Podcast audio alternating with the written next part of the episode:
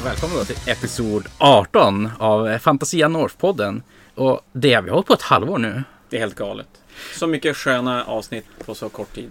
Ja, Eller det kanske inte är så kort tid egentligen. det blev fan mycket avsnitt nu i april. Men vi har varit effektiv. Ja. Och så har vi lite folk som lyssnar också, så det är lite roligt. I alla fall med oss idag, eller ja, med oss med oss. Vi har en intervju som vi ska ta och ha med i den här podden med eh, Daniel som är, har varit ETC-kapten för det svenska 40K-laget. Och är en stående ETC-spelare för dem. Och Ja. kan, förmodligen den spelare i Sverige som spelar absolut mest 40K-turneringar. Och kanske till och med den som spelar mest 40K. Han lirar visst 4-5 matcher i veckan nu under corona-nedstängningen. Sen efter det så tänkte vi att vi skulle ta in Jon i studion och prata lite hur GV öppnar upp nu lite grann och vad det innebär och kanske så vad eh, folk har som för uppfattning om det hela. Ja, för det, det, det är svårt att veta vart allting är och många pratar ju om att det är nu business as usual. Men är det verkligen det? Men det återkommer vi till. Jo. Så without further ado, till intervjun. Ja, men just nu har vi med oss Daniel Hesselberg från Stockholm på Discord. Så vi tänkte snacka lite 40K i allmänhet och kanske lite ETC, ITC, VTC, vad det nu heter i synnerhet. Men du Daniel, skulle du kanske först berätta lite grann om dig själv? Hur länge, hur länge, hur länge har du lirat 40K? När började du? Vad, vad, vad vill folk veta om dig? Absolut. Ehm, jag har spelat kompetitivt sedan 2008. Ehm, jag började spela 40K 1992. Ehm, i- alltså, kommer du ihåg vilka modeller du tog och siktade dig in på? Ja, jag, jag, spelade orker i början för att det fanns en sån fantastiskt rolig process att bygga sin armé eh, med en liksom helt separat bok där man skulle randomisera fram olika former av eh, ja, egentligen allt möjligt. Det tog ju liksom lite längre tid att spela 40K på den tiden. Jag har för mig att vi spelade typ en match på tio timmar eller något sånt där. Ja, men det var, det var väl den tiden man kunde ha Madboy som lämnade bordet på ena sidan och kom tillbaka på andra sidan och grejer. Ja, sä- Alltså, ja, säkert. Super- Och kunde- superknasigt. Varje liksom, match var unik, så man skulle rulla fram unika cybernetics till orker. Och, ja. Ja, det, det var liksom, riktigt såhär tabletopigt som det blir idag. ja, precis. alltså, det var ju ett tabletop-spel, men det, det var ju tydliga liksom, inslag av knas och eh, rollspel. Och, liksom, ja, det, det var liksom inte ett, eh, det, det var inte ett färdigt eh, spel man kunde spela på turneringar på den tiden, känns det som. Men när, när, sa du, när, klev du, när klev du in i 40K Competitive sen? Jag spelade nog typ sista turneringen i fjärde, så jag började väl egentligen i femte. Så var är vi då någonstans 2004? 2008. 28, det är så pass sent. Vad, vad, vad, hade du haft en break innan då eller spelade du mest 40K hela vägen fram och så sen? Ja, jag spelade väl 40K. eh, Liksom, vi var ett ganska stort gäng där jag växte upp som spelade. Så vi spelade liksom, ja, vad kan det ha varit, 15 pers, 20 pers som spelade 40K. Så vi spelade liksom till och från, men nu spelar jag väl mer matcher per år än vad jag spelade mellan 92 och 2008 tillsammans. Ja, nu rullar du ganska mycket. Ja, nej, men det spelar jag en hel del. Ja, det, det har jag gjort sedan 2008 också. Jag har ju spelat 12-14 turneringar varje år och kanske två, tre eh, övningsmatcher varje vecka. Liksom. Det här är en insikt på hur man spelar i 40K kompetitivt. Det spelar ju fruktansvärt mycket men du var ETC-kapten ett tag också, eller hur? Ja, precis. Jag var det mellan, det kommer jag inte riktigt ihåg när det var, mellan kanske 2011 och 2015 eller något. 16, något sånt.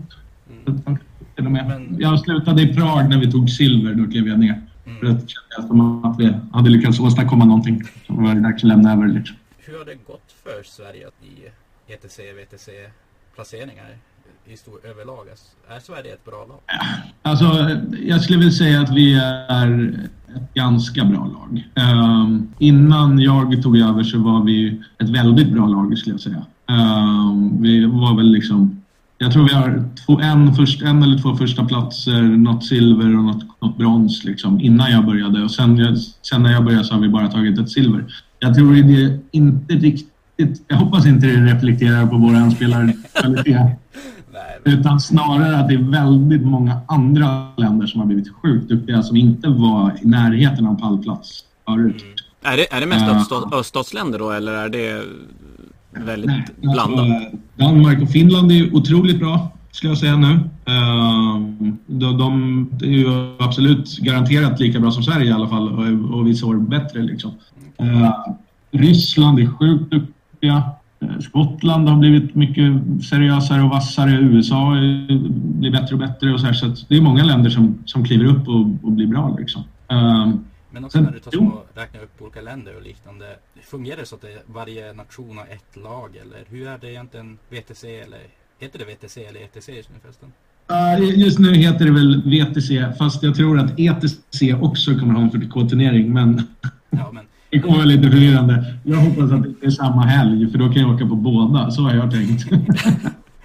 ja, det är ju vettigt. Men alltså hur fungerar uttagningarna? Är det bara ett lag per nation? Och är det olika för olika länder och hur fungerar det i Sverige? Sånt där? Det vore jättekul Precis. Ja, men eh, så här eh, på ETC, hur det blir på VTC, jag kan, man kan ju eh, jag kan börja i, någon form av bakvänd ordning då. Vi, 40K i ETC bröt sig ur till ett eget format som heter VTC i år. Och det är anledningen att man har gjort det är för att man vill ha, kunna påverka mer själv. ETC har historiskt sett varit så att man har ett lag per land eh, och minst fem spelare från det laget måste vara från det landet. Tre personer får vara mercenaries. Så till exempel USA får bara ett lag eh, fast de har en, troligen en spelarbas som är lika stor som hela Europas. Och, ja, precis. Eh, och det var lite sånt som gjorde att man ville bryta sig ut. Liksom. Kaptenerna ville ha mer mer inflytande över 40K som vi spelar och inte vara fast i liksom, det stora ETC-maskineriet. Till exempel så ville Kina skicka ett lag men de kunde inte få ihop ett helt lag. Så de ville köra ett Greater Asian-lag, liksom, vilket bryter mot ETCs regler. Men kaptenerna i 40K tyckte att det var helt okej. Men när du säger ETC-regler då, är det ETC för alla spel? Både Fantasy och ja, Ninth Age? Precis. Ja, just det. Så det, det, det är väl varför man har brutit sig ut. Det man kan säga eftersom VTC inte händer i år så kan vi prata om ETC, det vill säga hur det har varit. Och då har det varit så att varje land har fått tagit ut ett lag, fem spelare minst. Eh, med länder så definierar man det utifrån Fifas fotbollslag tror jag. Det vill säga man kan inte, man, man får inte ta ut ett lag från Åland för de har inget Fifa-lag eller liknande. Alltså det, nu har någon har varit någonting om fotboll två gånger och ingen av dem har varit du som tagit upp det på podden. Ja, det är helt galet. Den enda fotboll, den riktigt fotbollsintresserade får aldrig prata fotboll på podden. Det är för jävligt. uh, nej, men så, så är det. Och i Sverige så har vi haft ett system som har funkat ganska bra tycker jag. Det är topp tre på den svenska rankingen. Uh, väljer ut en kapten. Kaptenen väljer sen ut resten av laget. Varav, jag tror fem totalt i spelartruppen måste vara eh, topp 10-rankade. Okay. Eh, och man är nio i laget totalt. Eh, kaptenen kan då vara spelande eller icke-spelande. Har man en spelande kapten får man ha en coach som är icke-spelande. Okay. Det hade jag inte ens tänkt på att man hade, behövde inte ha en icke-spelare. Jag har ju bara varit på ETC för Malif och där och där var det som att alla skulle alltid spela men det här med en coach, ja. alltså, det är ju ganska mycket vid sidan av också man ska snacka igenom och hålla på då. Ja men lottning och grejer, klart ganska skönt att ha någon som kan kolla upp det och hålla lite koll på vilka andra arméer som finns. Ja, Nej, men det är jätteskönt till exempel om man behöver gå på toa mitt i en match att man kan ha en icke-spelande som håller koll på motståndaren. Liksom och sådär. Ja, just det. Får han till och med kliva in och spela om det skulle vara så att... Ja, ja, ja det får han nog faktiskt enligt reglerna göra. Jag tror man måste, det man måste långtoa någon gång så. Ja.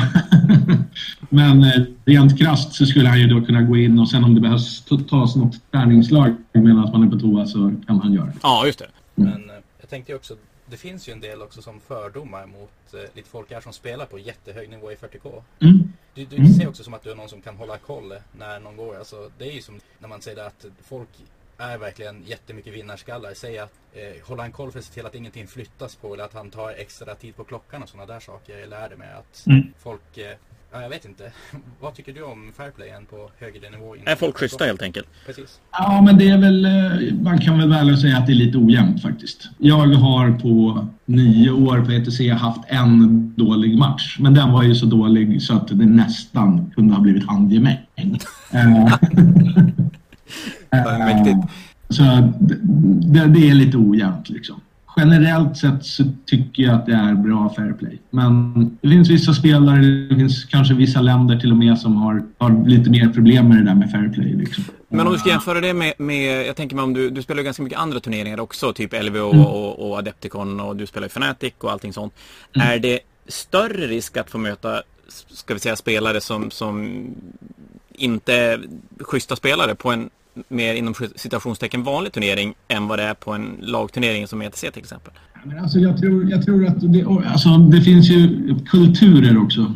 Jag tror, alltså i Sverige har jag nästan aldrig problem. Det är någon gång någon som har liksom försökt göra något. Men så länge man själv kan reglerna så kan man ju alltid kolla det. Och då mm. blir det lite sådär, var det avsiktligt eller har han missförstått regeln? Liksom? Och i min värld så alltid när man spelar i Sverige, jag har ju inte spelat riktigt 40K på samma nivå men säg när jag var som bäst i Malifo att när man, alltid när man spelar här, alltså inne i Sverige då var det oftast att om det blev något fel var ett regelfel och så var det liksom inga problem med det. Men Nej. när man var ute på internationella turneringar då var det mycket mer att du måste hålla koll med på folk och att du måste som kolla saker och så, så säga att nej så där är det inte och det blev mer tråkigt enkelt. Men... Och eh, till viss del så, jag, jag, tänker att det också kan vara lite kulturellt, eller hur? Alltså vi har en spelarkultur i Sverige som gör att man ser det lite mer som ett gentlemannasport liksom och, och det är kanske inte win at all cost och sådär utan man har ett litet annat tempo liksom. Även de,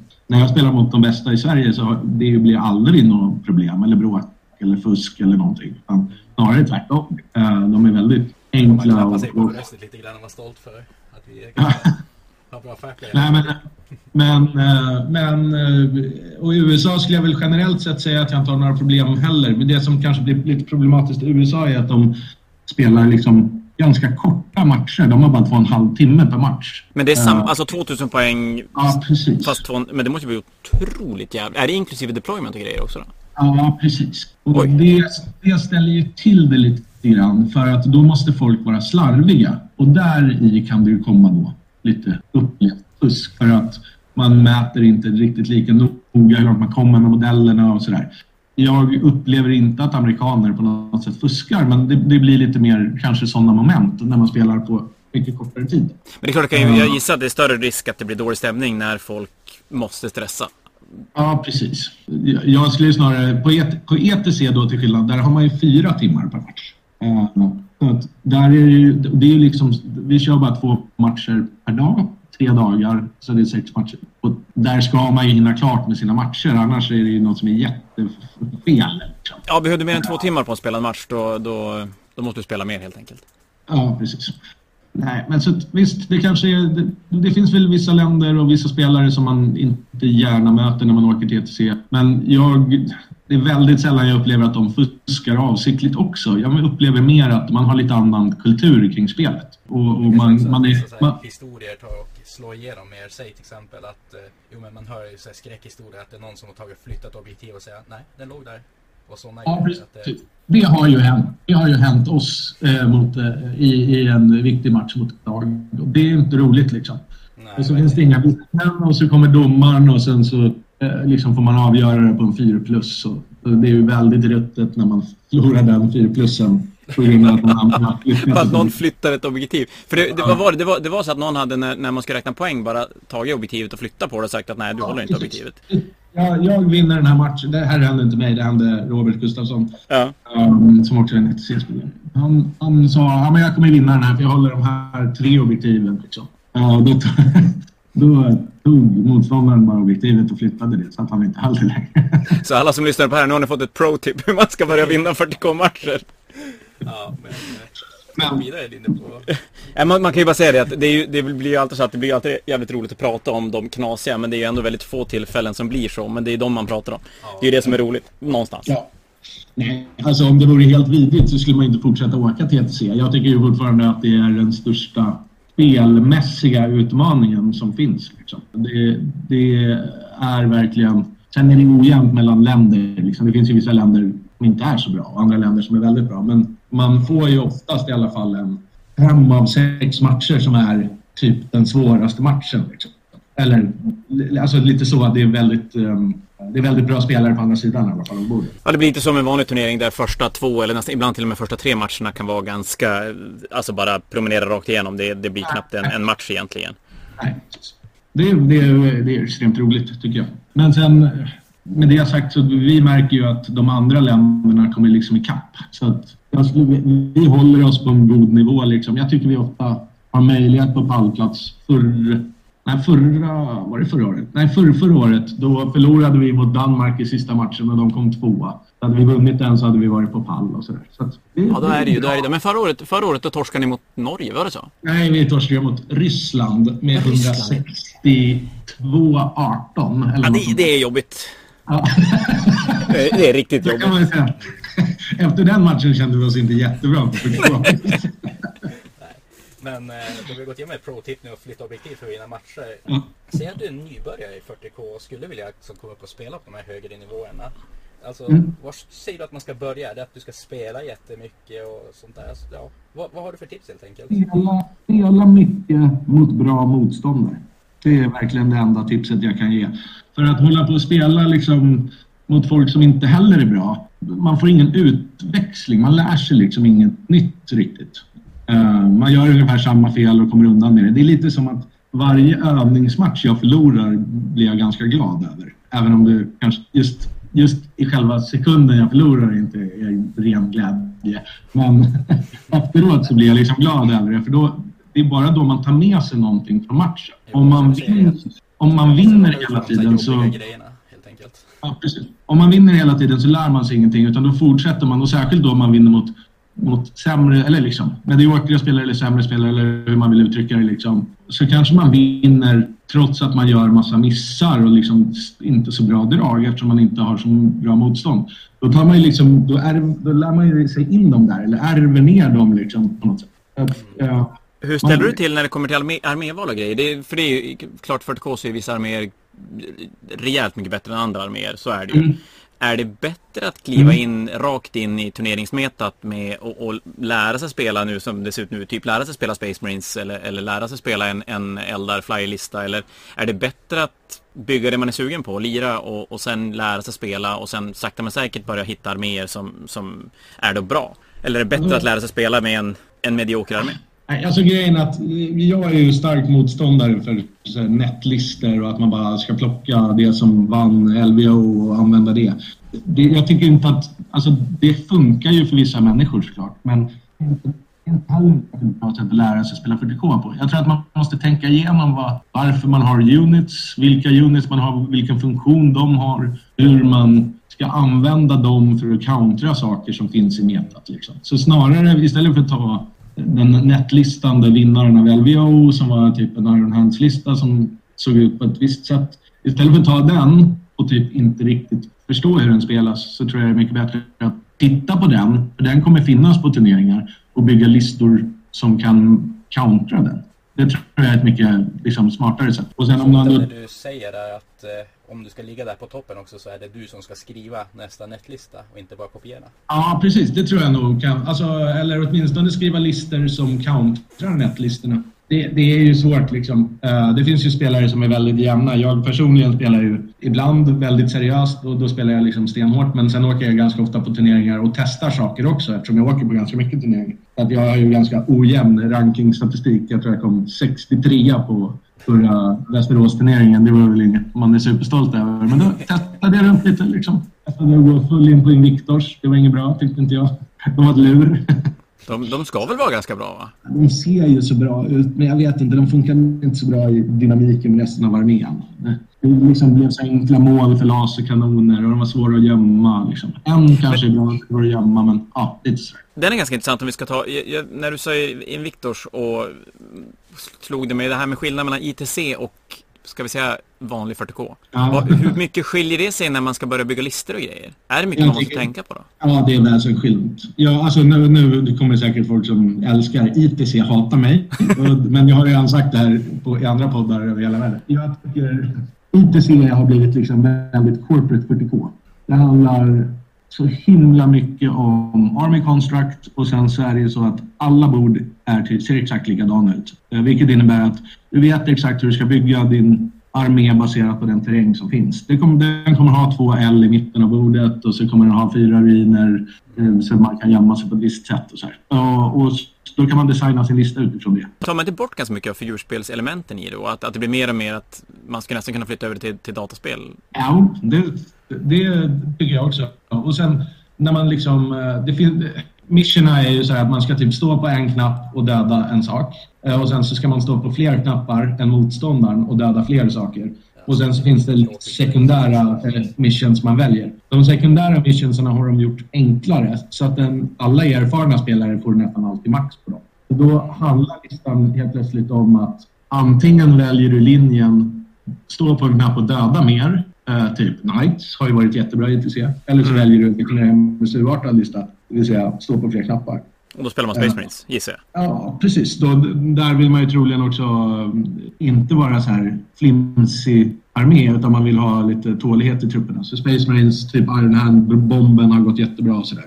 Jag personligen tycker inte att det är så himla roligt. Jag gillar korten för det tvingar mig när jag bygger min armé att ha dynamiska element som gör att jag kanske måste åka till knapp fem nu. Och den är inte alls där, där min borg vill vara. Liksom. Definitivt med att eh, det som mycket jag gillar i det här spelet är ju att det är mycket variabler. Att varje mm. runda du får är ju som att du får som, gud vem var det, var Simon Hall en kille som var på en Age of Sigma intervju som sa att varje runda är som en gåta och du ska ge det bästa möjliga svaret på det hela. Att eh, mm. som sagt ska du bara stå på knapparna och skjuta så mycket du kan och på det viset att det kanske inte blir så spännande egentligen. Nej, nej. Sen, sen alltså, RIS och ITC och de, de gör ett fantastiskt jobb så det, det klankar absolut inte ner på det på något sätt. Jag tror att de, det de har gjort är otroligt bra för hobbyn för den växer ju liksom explosionsartat överallt känns det. Ja, det är klart, de, de, de märks, får mycket, man får mycket spotlight med ITC när amerikanerna tar ändå ganska mycket plats, gör de.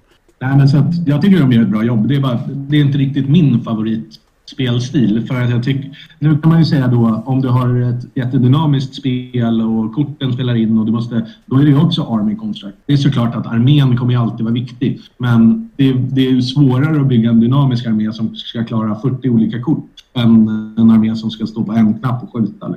Tänker jag kanske ta hugger tag i en till fördom och se vad du säger till om det. För det var ganska spännande. Vi har många fördom, vet, vet, vi har jättemycket fördomar. Men det är mest mot det, det, är inte, det är inte så mycket mot ETC-spelare. Det är ju mycket det här om man skulle lyssna på någon som säger att ja, men de här ETC-spelarna, de är, verkligen gillar Loren och eh, de bygger inte sina egna arméer utan de bara commission och så spelar de. Alltså, vad, mm. vad tycker du om det? Är det någonting som stämmer bland de flesta eller har ni fortfarande lore-nörden som kommer där på ITC och tycker det är jättecoolt när en, ja, någon sänker någon stor warboss eller något sånt där? Jag tror att det är jätteolika. Vi har ju några jätteduktiga målare i, vår, i landslaget liksom, uh, som ofta står på Best Painted-borden och vinner och sådär. Sen finns det ju folk som inte alls är intresserade av det. Liksom. Det finns nog folk som är lore-intresserade. Jag personligen avskyr 40K-lore. Jag kan inte stå ut med det. Jag tycker det är så full slåssetöntigt att det går liksom inte alls. Voltrundor i luften och ta stryper en Tyrannofex med sin högerhand. Och... Ja, nej, men det, det, jag har liksom, ja, jag har försökt läsa lite men det, det, det blir så här skämskuddigt svårt. Alltså, ja, du har ju fel, men det, det är okej. Det, det... Men egentligen så, det, det man, då är det så att bland ETC-spelarna så är det egentligen som det är i hobbyn rent allmänt. Att det finns de som är med där för att, för att det är skitkul att måla figurer och sen råkar de vara jävligt duktiga på att spela i, i samma sväng Ja, precis. Alltså det, jag tror väl egentligen att alla människor som spelar det här tycker att det är mycket roligare att spela på ett fint bord med fin terräng med fin, mot fint målade gubbar. Alltså det, det tycker jag också. Uh, jag personligen vill inte komma med några skräp. Alltså, nu har jag, det är klart jag gör det för att jag spelar liksom alla arméer. Så ibland lånar man ihop något och så ser det lite bacon ut. Men de flesta av mina arméer är ju fullt godkända. Eh, jag har väl också varit typ på Best Painter-bordet någon gång på Fantasia och sådär. Liksom. Ja, jag tror det. Att, eh, det är klart man bryr sig lite om det, men det, man, jag tror den fördomen kommer ifrån lite grann är att många toppspelare spelar väldigt många kodex. Och det är, det är inte riktigt halvfördom vi hade att hur mycket man måste byta med och så kanske vi kan ta segwaya in lite grann nu. Men... Ja, men jag tror, alltså dels då om man ska fortsätta min tanke där. Det är, inte riktigt, det är lite svårt liksom om man, typ som nu håller jag på att testa och spela kaos. Och jag har inte riktigt alla modeller. Jag skulle inte åka på en turnering med proxymodeller såklart. Men jag kanske behöver låna ihop det. Eh, och då blir det lite ja, blandad kvalitet. Lite regnbågskrigare helt enkelt. Då måste jag sidesteppa ja. lite grann här. Spelar du med Lord of Skulls? Uh, nej, de är ju ascoola. De, jag har kollat på den listan också. Men uh, just nu håller jag på jag håller på att utforska Sench Keywords. Jag spelar med lite Exalted Flamers och lite Rubiks Marines och lite Possessed, Sench Possessed och lite Trollisar. Lite Så nya, nya metat alltså om, om ett halvår då? När vi börjar spela turneringar igen. Men hur, ja, tror du, hur tror du, hur mycket tror du det kommer att... Hur mycket vet vi inte om metat nu när det inte spelas turneringar? Jag tror inte vi vet metat alls just nu faktiskt. Jag tror att det finns, i och med alltså på alla PA-böcker och sånt där som släpps, så tror jag att det finns jag tror att det kommer bli väldigt intressant när vi börjar spela igen. För att det kommer finnas listor som ingen har sett som kommer vara bra. Så ganska intressant period de första, man säger första halvåret då, efter att eh, ja, det, coronan det släpper och vi kan börja lira turneringen igen. Det tror jag absolut. Och sen är det en fråga liksom hur mycket folk har spelat och jag tror att TTS också kommer att ha en stark påverkan på metat eftersom folk sitter och spelar den här Tabletop Simulator och håller på att latcha runt där. Eh, det kommer också kunna påverka en del. Det är så sjukt mycket age segment på dem de senaste veckorna. Det är ett väldigt bra system. Ja. Inte alltid får tag i matcher. Men äh, gå tillbaka till din fråga hur mycket man måste byta för att ligga på topp. Äh, ja, det, måste man, det, måste, det måste man inte alls göra. Um, om man tittar typ Andreas Berglund som har gått väldigt bra de senaste tio åren. Han har åtminstone alltid spelat år Astra liksom. Sen kanske han har allierat in saker till det men uh, han är en Astra-spelare. Han tar um, Elde, vår Eldar-spelare nu, bara för Martin... Uh, Isdal, nej? Isdal, precis. Ja. Han har ju bara spelat Eldar så länge jag har sett honom. Liksom. Jag tror inte man måste... Um, jag tror inte man måste anpassa sig jättemycket. Det beror lite på vilken idé man har kring hur man spelar. Jag byter hela tiden. Jag har i princip alla arméer utom Masters of Battle och Kulten. Så alltså, du kan vara så här, passionerad på ett lag och eh, bara som köra det rakt ut och verkligen lägga ner din själ i det kan vara lagom då för att inte bara behöva ta byta omkring till det som... Ja, ab absolut. Absolut, och särskilt om du har en ambition att vara med i ETC-laget eller VTC-laget. För där får man ju bara använda varje kodex en gång. Ja, så vi behöver ju åtta olika kodexar liksom. Så då, då vill man ju gärna välja ut någon som är bäst på eldar och bäst på Astra och bäst på Knights eller vad det nu är. Liksom. Så det, det är ju en väldigt hållbar strategi om man vill komma in i laget. Liksom. Det, är ganska roligt, det blir ganska roligt för åtta arméer. Då, blir det ju, då, har du, då har du använt väldigt mycket av 40K-arméerna när du börjar plocka ut åtta stycken. Ja. eller väldigt många olika kodexar. Minst åtta olika kodexar. Alltså det blir ju oftast en representation på kanske tolv kodexar för att man brukar alliera in lite saker. Att... Om du allierar in ett kodex i en armé, då får inte det vara med och spela som en ren armé själv då? Ja, precis. Ja, det är ju spännande. Då är det ju nästan, som du sagt, bra att ha någon lite uddare bok så du kan komma in då bland de åtta så att det inte det var samma grej överallt. Ja, precis. Så det finns väl liksom två strategier för att komma med i C-laget. Eh, den ena är liksom vara eh, Jack of many trades eller men master of none eller bara master på en grej. Liksom. Jag, min roll de senaste åren har alltid varit Ja, men nu har vi tagit ut de bästa spelarna på de bästa kodexarna. Nu har vi en massa skräpkodexar kvar. Daniel, plocka ihop något. plocka upp något av de här skräpkodexarna som är kvar. Liksom. Men då på ETC en runda, alla åtta spelare spelar? Ja. Man eh, lottar, eh, man har typ en secret challenger och sen så lottar man liksom. Så man lägger fram någon, motståndare lägger två listor på den. Den som är, har, är först framlagd väljer en av de två listorna och sen väljer man bord och så börjar de spela. Liksom. Så fortsätter den här processen tills det bara är typ secretarna kvar, de möts på slutet. Det är bord som på ETC, hur är terrängen där? Är det som på ITC att det är likadan terräng på alla bord eller är det olika terräng på alla Nej, de har olika. De har typ tre bordbrackets skulle man kunna säga. De har öppet, mm, normalt och stängt. För att välja bord är en enormt stor grej på ETC. Till exempel om man tar Ork Gunline-listan. Eh, får den spela på ett öppet bord, då kan ju den spela nästan vad som helst. Men om den måste spela i liksom en ruintät eh, eller en stad eller något liksom, då blir det inga skott skjutna och då, då kommer det inte gå så bra. Uh, så att de har tre brackets med typer av terräng. Det, det, alla åtta kartorna finns tillgängliga innan. Så man kan öva liksom på. Så att alla, alla oavsett vilket, alltså oavsett vilka lag ni möter så kommer ni att spela på likadana bord? Ja, precis. Ja, just det.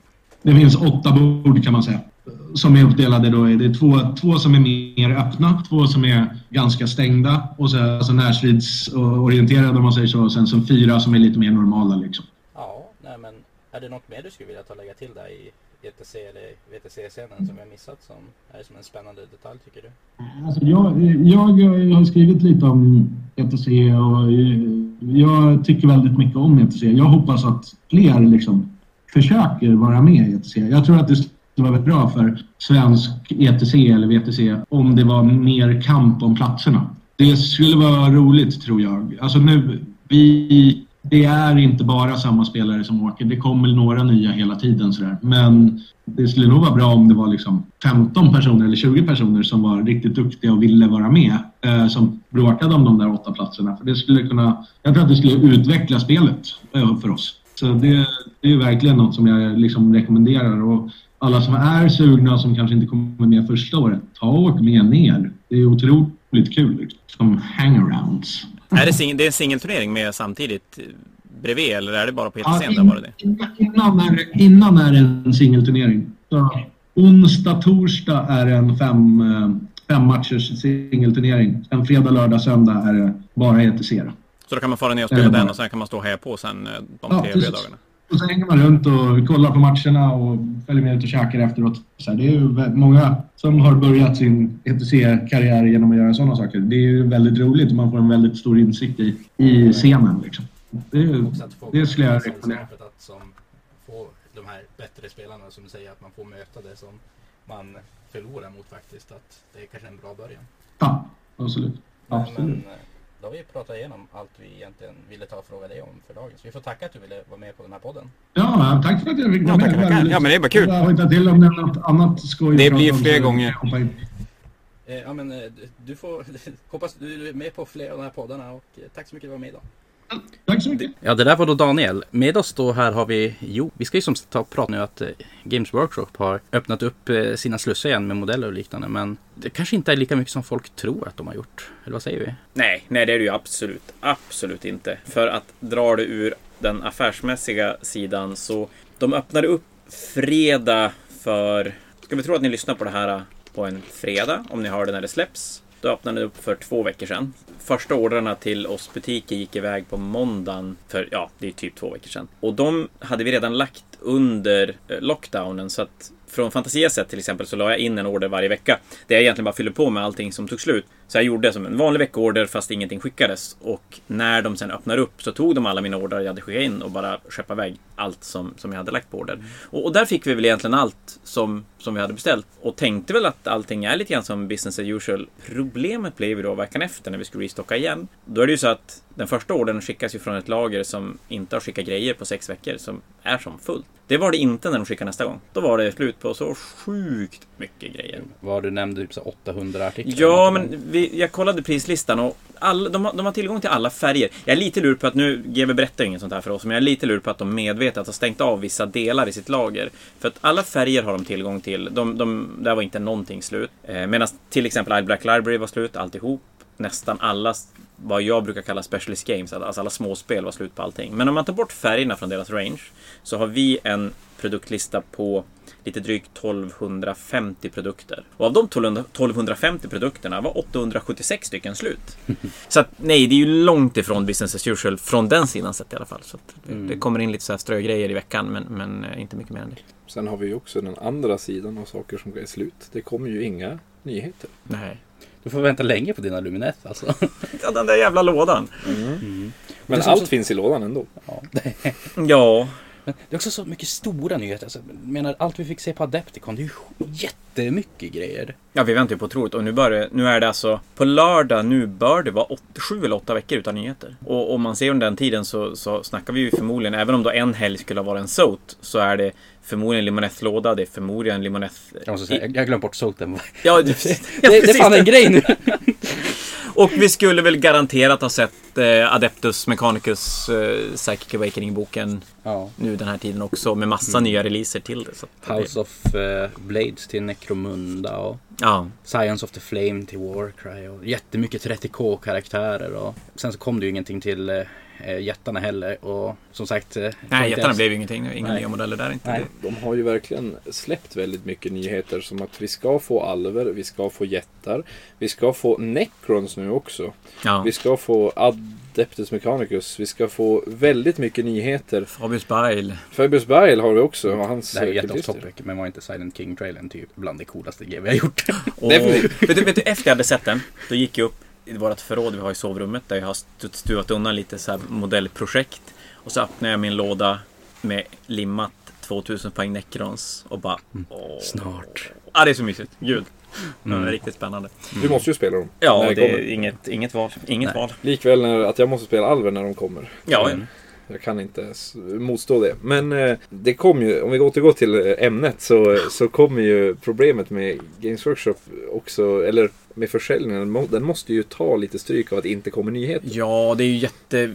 Vi trodde väl först att allting skulle bli typ som vanligt när vi faktiskt fick fylla på hyllorna. För sex veckor utan restock från GV mm. gjorde ju att hyllorna var ganska tom. Och det tänkte... lät ju lite grann så också på GV. Jag menar, det verkar som att väldigt många tolkar det på det sättet. Kollar man så här folk på internet att det som är fortfarande slut och de vill ha sina grejer och sånt där. Ja, ja. Och Alla verkade tro det. Snacket var väl lite grann som att, ja men lugn bara, när de kommer att köpa grejer. Och jag var likadan. Att då är allting igång. Då blir det som business as usual. Visst att det kommer vara lite annorlunda. Mindre spel, lite mindre folk i butik och sådär. Men, men att försäljningen skulle komma igång. Men från Fantasias sätt så, så är det väl nästan faktiskt tvärtom. Att det har droppat ytterligare från det att GW då började skicka grejer, om man nu kan kalla att de skickar grejer. Och det visar ganska tydligt att communityn behöver spela och behöver få nyheter. Vi har ju blivit väldigt bortskämda på senaste tiden, för jag minns ju GW släppte ju bara en nyhet, en liten nyhet eh, varje månad. På ja, den gamla goda det, tiden om vi säger Ja men oftast så. var det väl en stor nyhet i början på månaden och så sen två veckor senare ett, ett som eftersläpp till den nyheten. Om det ja. kom en Armybok i början och så kom det fyra, fem, sex plastlådor, då kunde det komma en strökaraktär eller någonting. Ja, men de stora mm. nyheterna förr i tiden var ju oftast Armybooks eller någonting mm. sånt. Och de släpptes ju oftast bara sju eller kanske till och med åtta per år. Och vi har ju två månader på ett år så det kommer ju aldrig riktigt några nyheter under jul. Nej, december var ju december. aldrig som det är nu att det kommer en, en Chapter Approved och det kommer oftast ganska feta Battle Forces, det kommer mm. massa hobbyprodukter. Det gjorde det ju aldrig då. Då stängde de ju som ner hela nyhetsflödet. Så nu har vi flödet. Nu har vi blivit van att få mm. väldigt många nyheter och kanske också behöver vi på det. Så hade vi haft alla Adepticon-grejer vid det här laget ifall inte Covid-19 hade varit en grej? Ja, jag tror det. Jag, jag tror att det hade börjat med Adeptus Mechanicus Psychic Awakening Mm. Och det hade nog bara varit en helg. Jag tror inte det hade spritt ut på mer än en helg. Och så har vi en helg med, med Limoneth alvlådan. Sen är ju frågan hur länge den skulle ha fått funnits ensam men innan boken hade kommit och allting mm. löst i det. Men nog tror jag att i alla fall lådan hade kommit. Jo. Sen så jättarna någon helg och så, så. Ja, jättarna i frågan. Jag är lite lur på att jag tror att jättarna revealades tidigare på grund av Covid-19 för att vi skulle få mer saker att prata om. För nu har vi som, jag menar, när man inte kan spela turneringar på samma sätt, man, vissa får inte ens spela vanliga matcher. Jag snackade med någon, någon förening i, oj, ja, södra Sverige någonstans som har en, en, en lokal med, av Vuxenskolan och de får inte använda sin lokal alls nu under den här tiden. Vuxenskolan hyr inte ut sina lokaler och de hade ingen av dem hade plats för spelbord hemma så de kunde inte spela någonting alls. Och det är klart, då blir det ju inte så mycket pepp. Man blir ju inte så jävla sugen på att bygga en ny Nörgeldemonarmé om man aldrig får spela. Men om det kommer en, en ny Psychic Awakening då kanske man vill fylla på med grejer till sin armé för att matcha upp polarens armé som, som har blivit ny och, och mycket bättre. Att, eh, vi får inte glömma bort heller att vi i Sverige har ju ganska lösa covid-19 restriktioner jämfört med andra länder. Ja, men verkligen. Eh, vi kan ju faktiskt gå ut och, och, och träffa folk, eh, vilket är inte en möjlighet i stor del, stora delar av världen. Nej, men bor du i England till exempel så får du ju inte. Jag pratar med mina säljare i England. Hon är svensk som sitter där. Jag menar, hon satt på, i sin lägenhet. Hon hade ingen släkt där hon bor. Så att hon kunde som inte och hälsa på släkt som man skulle få göra. Utan hon fick gå ut och handla och så fick hon motionera en gång per dag. Ja, jag, sitter, jag säger att det är folk som så här, hyr ut sina hundar bara så att folk ska Alltså få gå på hundpromenader. Ja men exakt för att få Och det är klart då är vi jävligt bortskämda här som får ändå träffas Som nu ikväll till exempel när vi sitter och spelar in det här så är det ett par matcher som rullar i bunkern mm. så, så här spelas ju ändå och det ska vi vara otroligt tacksamma för. Ja, men då måste man också tänka att eftersom GV är ju ett, ett globalt företag kan man säga. Så eh, spelas det nog väldigt lite i världen jämfört med vad vi kanske spelar här i Sverige just nu. Mm. Och det, tro, eh, och det tror jag, Umeå. Ja, och det tror jag definitivt är en, en anledning varför vi inte får några nyheter. För att någonstans så det är klart, Soten, mm. den skulle ha släppts på lördagen. Nej, den skulle ha släppts en och en halv vecka efter de stängde ner GV. Och den fanns ju i deras lager. Den finns ju i deras lager. Men jag gissar att det är så att de väljer att inte skicka nyheter för att inte alla butiker har samma tillgång till nyheter och att de inte kan återproducera någonting. Så att de, de vet inte hur länge det kommer att dröja innan de kan fylla på hyllorna med de där nyheterna som, som man har fått chans att köpa. Och då är det ju risk att några större butiker, kedjor köper upp ganska stor mängd av en nyhet och så finns den som ändå inte utan det blir, en, det blir som en lyxvara att vissa har tur att få tag i den, bor på rätt ställe och så. Men det är ju väldigt viktigt att folk får spela för att bli taggade på att, på att köpa mer saker. Ja men som ni hörde i intervjun tidigare, det här med meta till 40K bara. Mm. Jädra systrarna har ju inte fått vara med och spela. Har de? Jo, de, i Sverige har de haft någon Gates of Westridge turneringen han ju vara innan de stängde det. Men det är typ den enda stora 40K-turneringen som har varit. Mm. Där systrarna fick chans att vara med. Och det är väl samma sak i Sigmar med Serafon? ja, de har ju inte haft en enda turnering. Nej. Och Ossiarkerna har haft typ en. Det är väl både, Nej, de har Krigsluntan och... Uh, jo men om man kollar också på över hela världen så är det ju att de fick ju ändå vara med på... Ja, de fick vara med på L LVO och fick de vara med, Bloodbound, ja. Blood, Blood and Honor turneringen. Ja, just det. Men Serafonerna har inte hunnit spela någonting. Nej, inte alls. alls. Albert gick ju och vann med 60 raka poäng i Wilhelmina om det räknas. det är kanske enda stället de har varit med och spelat. Det var sista turneringen i alla fall här i... Ja, här uppe i Norrland, uppe i Norrland. Så, så var det det. Vi kan ju men det är ju lite kul också på ett sätt. För att nu kanske, man vet ju vilket tokigt meta som kan eh, uppstå när man eh, spelar sådär separat. Eh, om man tänker på gamla tiden när man spelade köksbords Warhammer. I internet det här vet du, jävlar. Ja, när, man, för, för när, när jag spelade med mina vänner i, i Vilhelmina då, då hade vi en enhet på sex Howling Banshees. Och som ni alla vet har de aldrig varit bra. I alla fall inte sen fjärde editionen. De har aldrig varit bra. Men de har nog aldrig varit bra, Nej. någonsin. Men det var typ det värsta du kunde möta hemma på mitt bord för att vi hade ingenting som kunde hantera det. Nej men det, har du Det påminner om den här diskussionen som jag hörde på ett Bring Battle som du berättade om att eh, folk sa att eh, Land Raiden sög för det kommer ju bara en tolva med nobs med powerclaws och klippte sönder den varje Exakt. gång. Det, och för er som inte vet vad Bring a Battle är då, då kommer lite yngre, nyare spelare och tar med, ja, men tar med lite gubbar och så spelar man en stor strid där man styr det man själv har tagit med sig. Och det är klart. Och så får grejer respawna när de dör och har man inte poäng ta hänsyn till då är ju Nobs med Powerclaw för jävla arga. Alltså. Det, det går inte att komma ifrån. Mm. Så att, nej men det är klart det blir jävligt skevt när man bara spelar mot sina fyra polare och så läser man på internet om andra spelgrupper som gör samma sak. Men det är inte så att man blandar spelerfarenheter med varandra. Och min tanke är att det blir lite så nu fast på större skala. För du mm. säger Serafon har inte fått testa sina turneringsvingar riktigt. Vilket gör ju att det kommer antagligen uppstå lite lokala meta som kan vara bra mm. tills det släpps en stor turnering igen. Fast på ett annat sätt. Den delen av hobbyn tror jag är ganska, eller den påverkan på hobbyn tror jag är ganska bra. Jag tror att det är nyttigt att folk får sitta hemma och pula och bygga och tänka lite grann själv. Sen är ju det en väldigt liten del som, som är positivt. Allt annat är ju egentligen bara dåligt. Nej men Serafonen går ju som tåget i Fnatic karantinligan också. Ja, är det tre i topp fyra tror jag mm. nu som det ser ut nu. Det är väl Morgans Dino-lista har det gått ganska bra för. Kim Klingbergs eh, lite blandade Starborn-lista. Sigvalius lista går jättebra. Lista, och Alberts lista. Och Albert. Det är ju fyra ja. stycken. Jag menar det är fyra, fyra. utav sex stycken Serafon-spelare. Ja. Så, det, det. så att det, ja, men det, det påverkar nog mer än vad man tänker. Men nej, men nu, nu känner jag att vi behöver grejer. Ja, faktiskt. Jag behöver framförallt annat att peppa så jag slutar peppa Ragnar Blackman. du behöver Necrons att peppa? Mm. Jag behöver, ja, jag behöver en Silent King. Ja, alltså, jag blev just klart med mitt Free Guild-projekt så jag, jag, jag, är lite småtaggad på alltså, någonting bara. Så du måste bitbasha Necronar med nu? Alltså, ordentligt? Kommer Silent King och han är för cool, då, då, då, då blir det fan att spela Necrons. Ja, men tänk om det kommer typ Primaris Necron Warriors. Mm. Alltså bara större Necron Warriors. Fan vad coolt. Som de ser ut på det mesta artwork. Ja, tyvärr så. Nu kommer det här säkert ta bita mig i... Som jättarna eller? ja, så, men jag tror att du har mer fel om det än vad jag hade om jättarna. Ja, jag, tror inte att, jag tror inte att det kommer. Men Nej. jävlar om det kommer. Vad ja. coolt det ska vara. Dagen de släpper nya Marauders kanske vi får nya Necron Warriors. Fast det är ju så här. Kom, skulle det vara så att det är meningen att Necroner ska vara med i en... Vart är vi? Nionde edition 40K va? Ja, om det, om det kommer en nionde edition 40K, för det fanns rykten före jul om att nionde editionen skulle komma och då skulle komma en startlåda med Space Marines och Necrons. Och det var snack om Silent King redan då. Och nu börjar det då poppa upp grejer kring det så att någonstans har ju de där ryktena som dök upp någonstans i oktober i fjol faktiskt funnits belägg för dem. Och mm. kommer det en ny låda, då är det ju inte omöjligt att det kommer nya Necron Warriors. Nej, faktiskt. Startlådorna Särskilt för editioner brukar ju inte vara modellerna som finns utan det brukar ju vara nya Snapfit-modeller. Och jag har svårt att tro att de släpper en Prophecy of, Prophecy of the Wolf-liknande låda med en ny edition. Det känns jättekonstigt. Nej, de, de kommer ju, om, det är, om det är en editionslåda så är det ju alltid Snapfit nu för tiden som gäller. Ja. Och då måste de ju göra nya Necron Warriors. Ja, eller något, att de bara har parias i den. Typ. Ja, i och för sig, de kan ju bara nya modeller. Ja, men ja, det, det skulle klart. vara väldigt intressant om de förnyade Necron Warriors där. Tänk om de gör Primaris behandling av Necrons. Jo. Men tänk om också det enda sättet du kan få de här nya Primaris Necron Warriorsna är i startlådan. Det blir som Dark Vengeance all over again. ja, och det, oj vad hemskt. Men det är ju faktiskt inte helt ovanligt. Det finns ju fortfarande saker som du bara kan få i vissa startlådor. Till mm. exempel äh, Suppressors. Suppressors pratade vi om tidigare idag. De Nya finns bara med i... Coola ja, de är Chaos med... Warriors och coola Chaos Knights. Ja, bara i bara startlådan. Men nej, men helt omöjligt känns det ju inte att det ska komma en ny edition med Necrons i lådan och så sen att de gör om så att de Necron som är med är helt nya modeller. Och att man kanske då som Space Marines, man har gamla Necron Warriors men det finns någonting jävligt mycket coolare som är typ samma sak. Också mm. Troops, så länge de är också Troops så spelar det ju inte... Nej, det är ju, det är som Intercessors och Tactical Squad så att... Men också, när de visade vad de kunde göra med alltså Seras nu, hur cool han...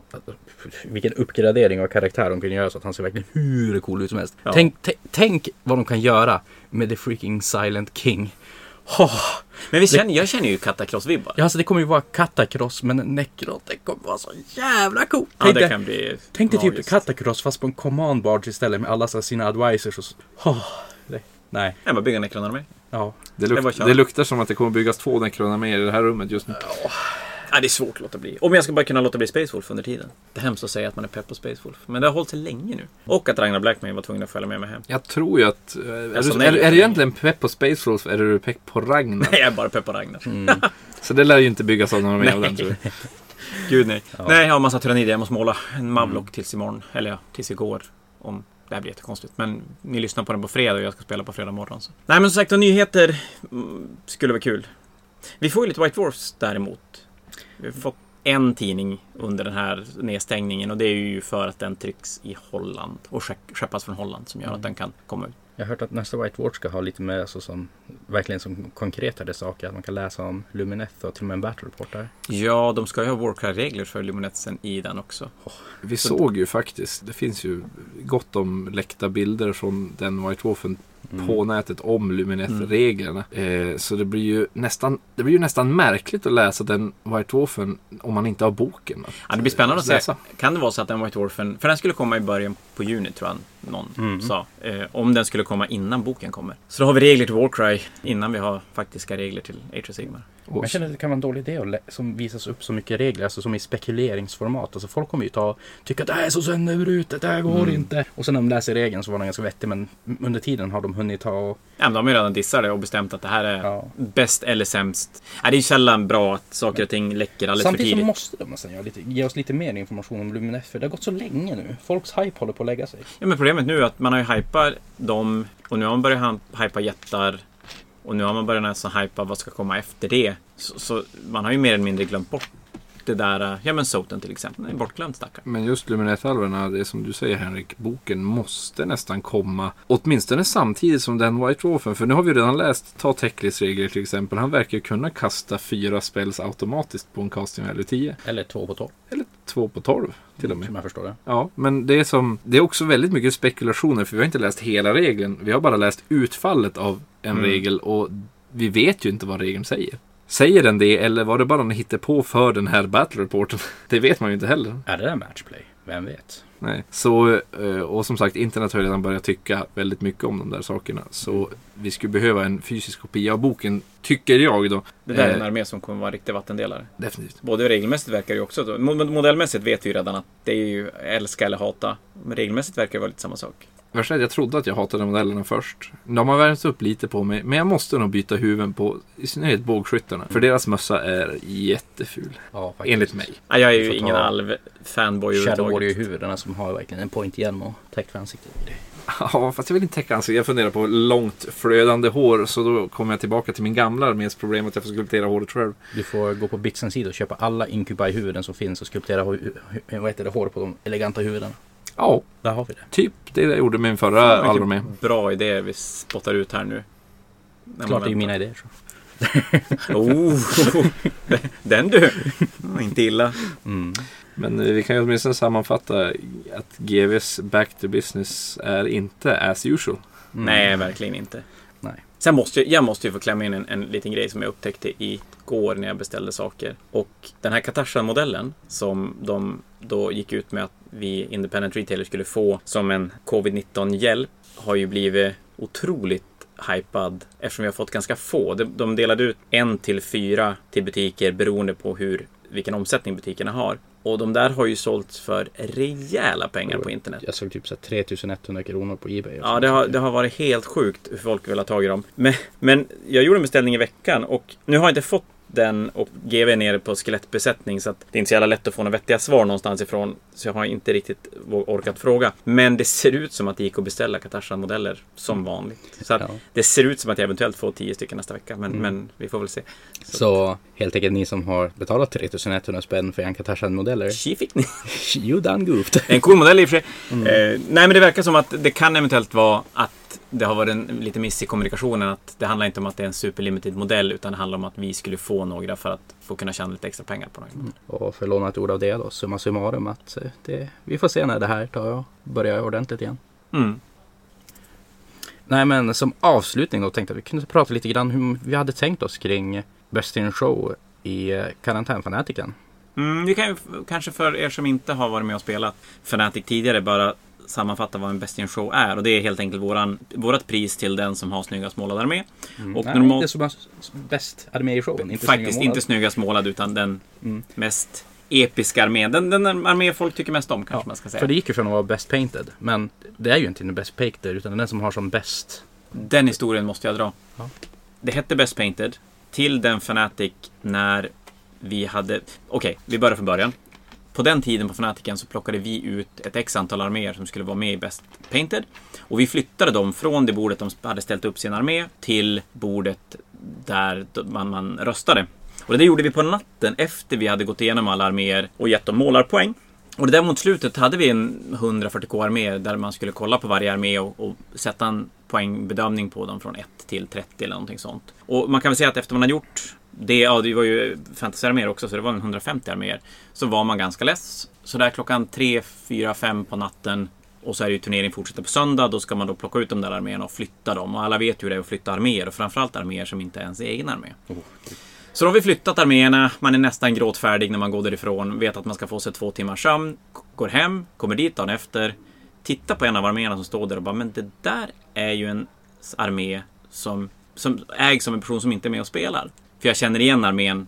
det är en kompis som har målat den, men han är inte med och spelar. Och då visar det sig då att den armén är såld, så att det är någon annan som spelar mm. den här tyrannidarmén. Och man får inte vara med på Best Painted om man inte målar armén själv. Så då står vi där klockan kvart i åtta, en kvart innan vi ska börja med röstningen och har en armé som inte får vara med och måste byta den. Och då vänder vi oss om och kollar och då ser vi en orkarmé som står ganska nära som är sådär, inte supermålad men jävligt cool. Alltså det är mycket coola konverteringar. Tommys armé. Tommy Markströms armé. Han har en, en killakan som håller en, en eh, han har, en Deaththreat som håller en dropp på det upp och ner och skakar ut Space Marines. Exakt. Och den är svincool är den. Men vi hade absolut inte tagit med den som en Best Painted som det hette då. Mm. Men det hade ingen val. Det var ju bara bort med tyranniderna, in med orkerna, öppna dörren, ha röstningen och så vinner orkerna. Ja, med ganska stor marginal. Med ganska stor marginal. Och det var faktiskt, då insåg vi att det kanske är så att bäst målad har inte så mycket med saken att göra och, då för att som tydligare berätta vad priset är för någonting så valde vi att döpa om det till Best in Show istället.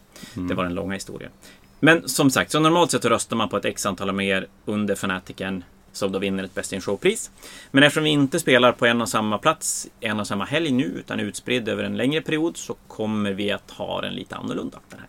Planen är ju då att för att alla ska få samma chans och inte bara vinna eller förlora på grund av att man har en bättre eller sämre kamera eller en ljusbox eller ingen ljusbox och sånt där. Så helgen då, jag tror det blir den 13 eller 14 framförallt men kanske också den 13 beroende på hur många som vill vara med. Så ja, juni då ja. Jo, så kommer jag och Lukas Holmström vara här i bunken och fota arméer så alla får använda samma ljusbox, samma kamera, samma fotograf och som får samma tillgång för att kunna ta tävla på samma nivå. Och tanken är sen att vi lägger ut bilderna och har en online-omröstning där alla får vara med och rösta worldwide. Det spelar ingen roll om har varit med och spelat eller inte. Ja, Okej, okay. det, det blir spännande. Ja, men det blir, det blir ganska roligt. Det, det är klart det blir lite annorlunda än att vara på plats och det är bara de som spelar som röstar. Utan. Så det kommer komma mer information om det här senare, om hur ni tar och bokar tid med oss. För vi vill ju vara så få personer och ta bild samtidigt. Det skulle väl tro någon gång nu i början av juni. Och även hur ni sen kommer att kunna gå in och rösta och se bilder på arméerna som är med. Mm. Men lite skillnaden då som jag tror kommer hända i den här att vi det är mycket också att man, typ du kan ju säga att kan inte fotografera den där detaljen som lägger som lite fokus där så att man kan som visa det här som ofta som faller bort i en armé som man inte lyckas se. Folk kommer kunna sitta och detaljgranska bilder om och om, om igen om de vill. Men då är frågan Jon, du har ju ändå vunnit i alla fall typ en Best in Show. Best Painter, då kan ha vunnit tre, så flashar med tre fingrar. eh, vad tror du blir för skillnader? Framförallt så eftersom jag vet inte om det kommer bli så stor skillnad. För best, att, att vinna Best in Show så vill du också ha någonting flashigt som, folk, som drar till sig folk från håll. Mm. Eh, jag vet inte om det kommer bli så stor skillnad där när du bläddrar igenom bilderna. Jag tror du fortfarande kommer att stanna vid när du ser någonting flashigt och sen bara, ja men det här är en armé, bläddra vidare. Eller kommer folk sitta och detaljgranska bilderna? Det vet men, jag inte, men jag tror inte folk orkar det. Jag tror ändå att folk kommer ha mer tid på att kolla igenom det. För rätt ofta säger att du spelar 40K, att du går igenom 40K-arméerna mycket noga. Och sen så när det väl är dags för att gå igenom typ Age of Sigmar så går du igenom och kollar bara, men den där var cool, den där röstar vi på.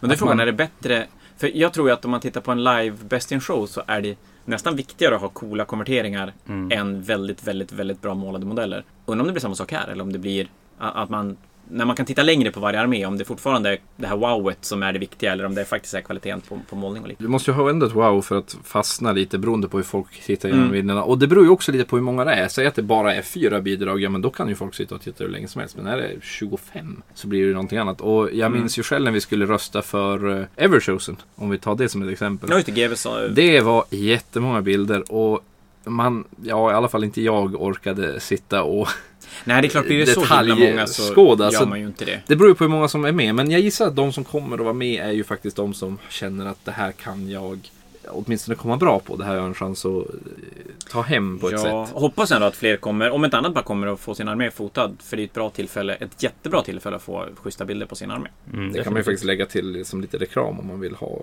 in lite fler än bara ja. de som tror att de kommer vinna. Ja. Jo, alltså Lukas är ju utbildad allt det där. Det kommer bli magnifika foton kan jag ja. garantera. Och det även om man inte tror att man kommer kunna vinna så är det, det är kul att ha schyssta bilder på sin armé. Och eftersom det är så pass annorlunda format så är det ju inte som samma sak som vinner hela tiden. Så Nej. Det, det, är en öppen tävling för många skulle jag tro. Det tror jag definitivt. Att definitivt. Sen, sen har vi också, det finns ju det här, alltså, om vi tänker, det finns ju kompisröster. Även fast Fanatic brukar vara så stor så det brukar inte spela för stor roll. Så om det är hela världen som kan rösta så finns det ju en risk att säg kompisröster inte kommer spela någon roll. Nej, det, det tror jag inte att det kommer göra. Jag tror att det mm. kommer vara helt oväsentligt den här gången. Så jag menar, det är väl 1500 bara på Fantasias hemsida? Som... Ja, vi har 1500 Facebook-följare som... Och, det kommer spridas till så. Sen har vi en hel del av de som är med och tävlar i Best in Show som har en hel del Instagram-följare också.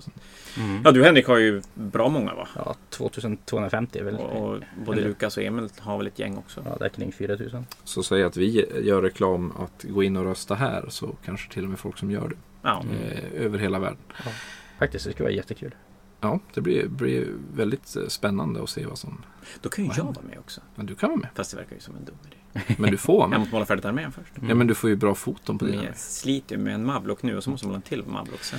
Vi säger också att det kan vara lite svårt att dölja saker eh, på foton eftersom de är så lättare att granska. Men samtidigt så finns ju en annan sätt också. Just nu kan ju folk inte, på ett foto kan ju folk inte riktigt gå runt armén och titta. Så du kan ju måla kanske en ful rygg. Ja, och du kan ju välja lite grann vart du vill att bilden ska tas ifrån. Citat Theodor. Han har inte målat undersidorna av sin stormkastare. Ja, det hjälper inte att springa omkring folk och berätta alla fula delar på ens armé. Förlåt Theodor. Men det var en rolig tycker jag. Ja, så det, det, det, jag, jag säger det kan ju vara lätt att det kan vara svårare att dölja vissa saker men det kan också vara ganska lätt att dölja vissa andra saker. Plus att fotona kan bli också så bra så att det finns, färgerna kan faktiskt se lite bättre ut på foto än vad de kanske ska ha gjort i eh, gymnastiksalen på ja. Dragonskolan. Är det gula, gula, gula ljuset som kommer ja, det fem meter ovanför. Jag märker det typ när jag fotar mina Freeguild att man kollar verkligen på att de gör sig väldigt mycket bättre på bilden än vad jag tycker de gör i verkligheten. Och det här är ju bara för att jag fotar dem med, säg, vitt ljus. Jag måste säga att, att mm. trappan på det display tray blir ju fantastiskt bra ja. på bild. Nu har, den är bra live också men, mm. men den blir så otroligt bra. Jo men man ser verkligen så här gröna och som att det är som färgskimmer mm. igenom. Jag kommer aldrig glömma när jag hade målat till Grand Tournament i Oslo i gamla fantasy för hundra år sedan. Hade jag målat en Ogre-armé som jag... Den är ju den är faktiskt ganska ful men då var den väl ändå helt okej okay, tror jag. Så jag var, jag var ganska nöjd med det jag hade målat. Och så kommer man dit och ställer ut den och så är det en tennishall med så här knallgula lysrörsbelysningar. Mm. Och jag har målat huden i en typ, ni som kommer ihåg bronze flesh tone aktig hudfärg som är ganska gul i färgen. Och alltså det var tennisbollar. Det blev bara gult. Ja. Såg för jävligt ut. Så ljus har ju verkligen betydelse. Så jag tror att många saker i fotona kan se lite bättre ut än vad de ska ha gjort i mm. verkligheten. Jo men vi kommer ju köra på vitt ljus och sådär som en svart ljusbox. Och samt kanske också lite så efter redigering att man kan höja exposure och liknande så att det syns bättre. Så. Photoshoppa till bilderna. Ja, alla skönhetsfel får vara kvar. Det, det vore att fuska. Mm. Men som sagt, all, det, det, blir ju lite annorlunda på foton. Jag minns ju om man tittar lite White Wolf-bilder på väldigt snyggt målade modeller. Så verkar det som att foton har gått igenom alla glaze-lager, hur man har blandat färgen. Så att färgen ser inte lika blandad ut som den gör i verkligheten. Mm. Till exempel. Så kamera kan göra väldigt eh, skumma saker med dina modeller. Så egentligen bara säga att alla som är med som har en målad armé, se till att boka upp så att ni får fotat eran armé. Mm. Kanske blir så populärt så ni måste boka fler dagar att ta foton. Precis. Stå där hela veckan. Men jag tänker väl att det kanske tar 45 minuter per person och har man både lördag och söndag här på bunkern under dagtid så borde man nog kunna plöja sig igenom alla som vill vara med. Det är ju trots allt bara ett satt antal spelare i turneringen också. Ja, det är ju inte mer än, det är ju 44 spelare eller någonting och som det ser ut så är det väl inte mer än kanske 20 som har färdigmålade arméer, tror jag. Så att och kanske max en 10. 10 av dem som vill vara med. Ja, jag skulle tro max 10 stycken som mm. fotar. Jag vill ha min armé fotad men jag får plocka bort det som inte är målat. Får man bara. bara för bildernas skull men inte, inte för röstningens skull. Ja. Som sagt den 13 och 14 juni så styr vi upp och information om hur man bokar tid och sånt där kommer lite innan. Och det var väl allt vi ville säga om det. Ja, det tycker jag väl. Ja, men det var väl allt vi ville ta och prata om i just den här podden. Ja, nu har vi rantat på hur länge som helst så att ni får inget mer av oss idag. Nej. Det kommer mer ganska snart. Det kommer en avslutning. Det kommer en genomgång av Age of Sigmar. Tredje omgången och en spekulation till fjärde omgången och samma mm. sak. I Age of Sigmar så får vi då en battle report av Anton och Kim och det är väl jag och Albert som kommer hålla i den episoden. Ja, och vi ska, jag och Jon ska prata 40K tredje omgången och fjärde omgången. Vi får se om det blir någon battle report där eller om vi bara får våldsamt spekulera kring alla matcher som mm. har spelats. Ja. Tack för idag! Tack för idag!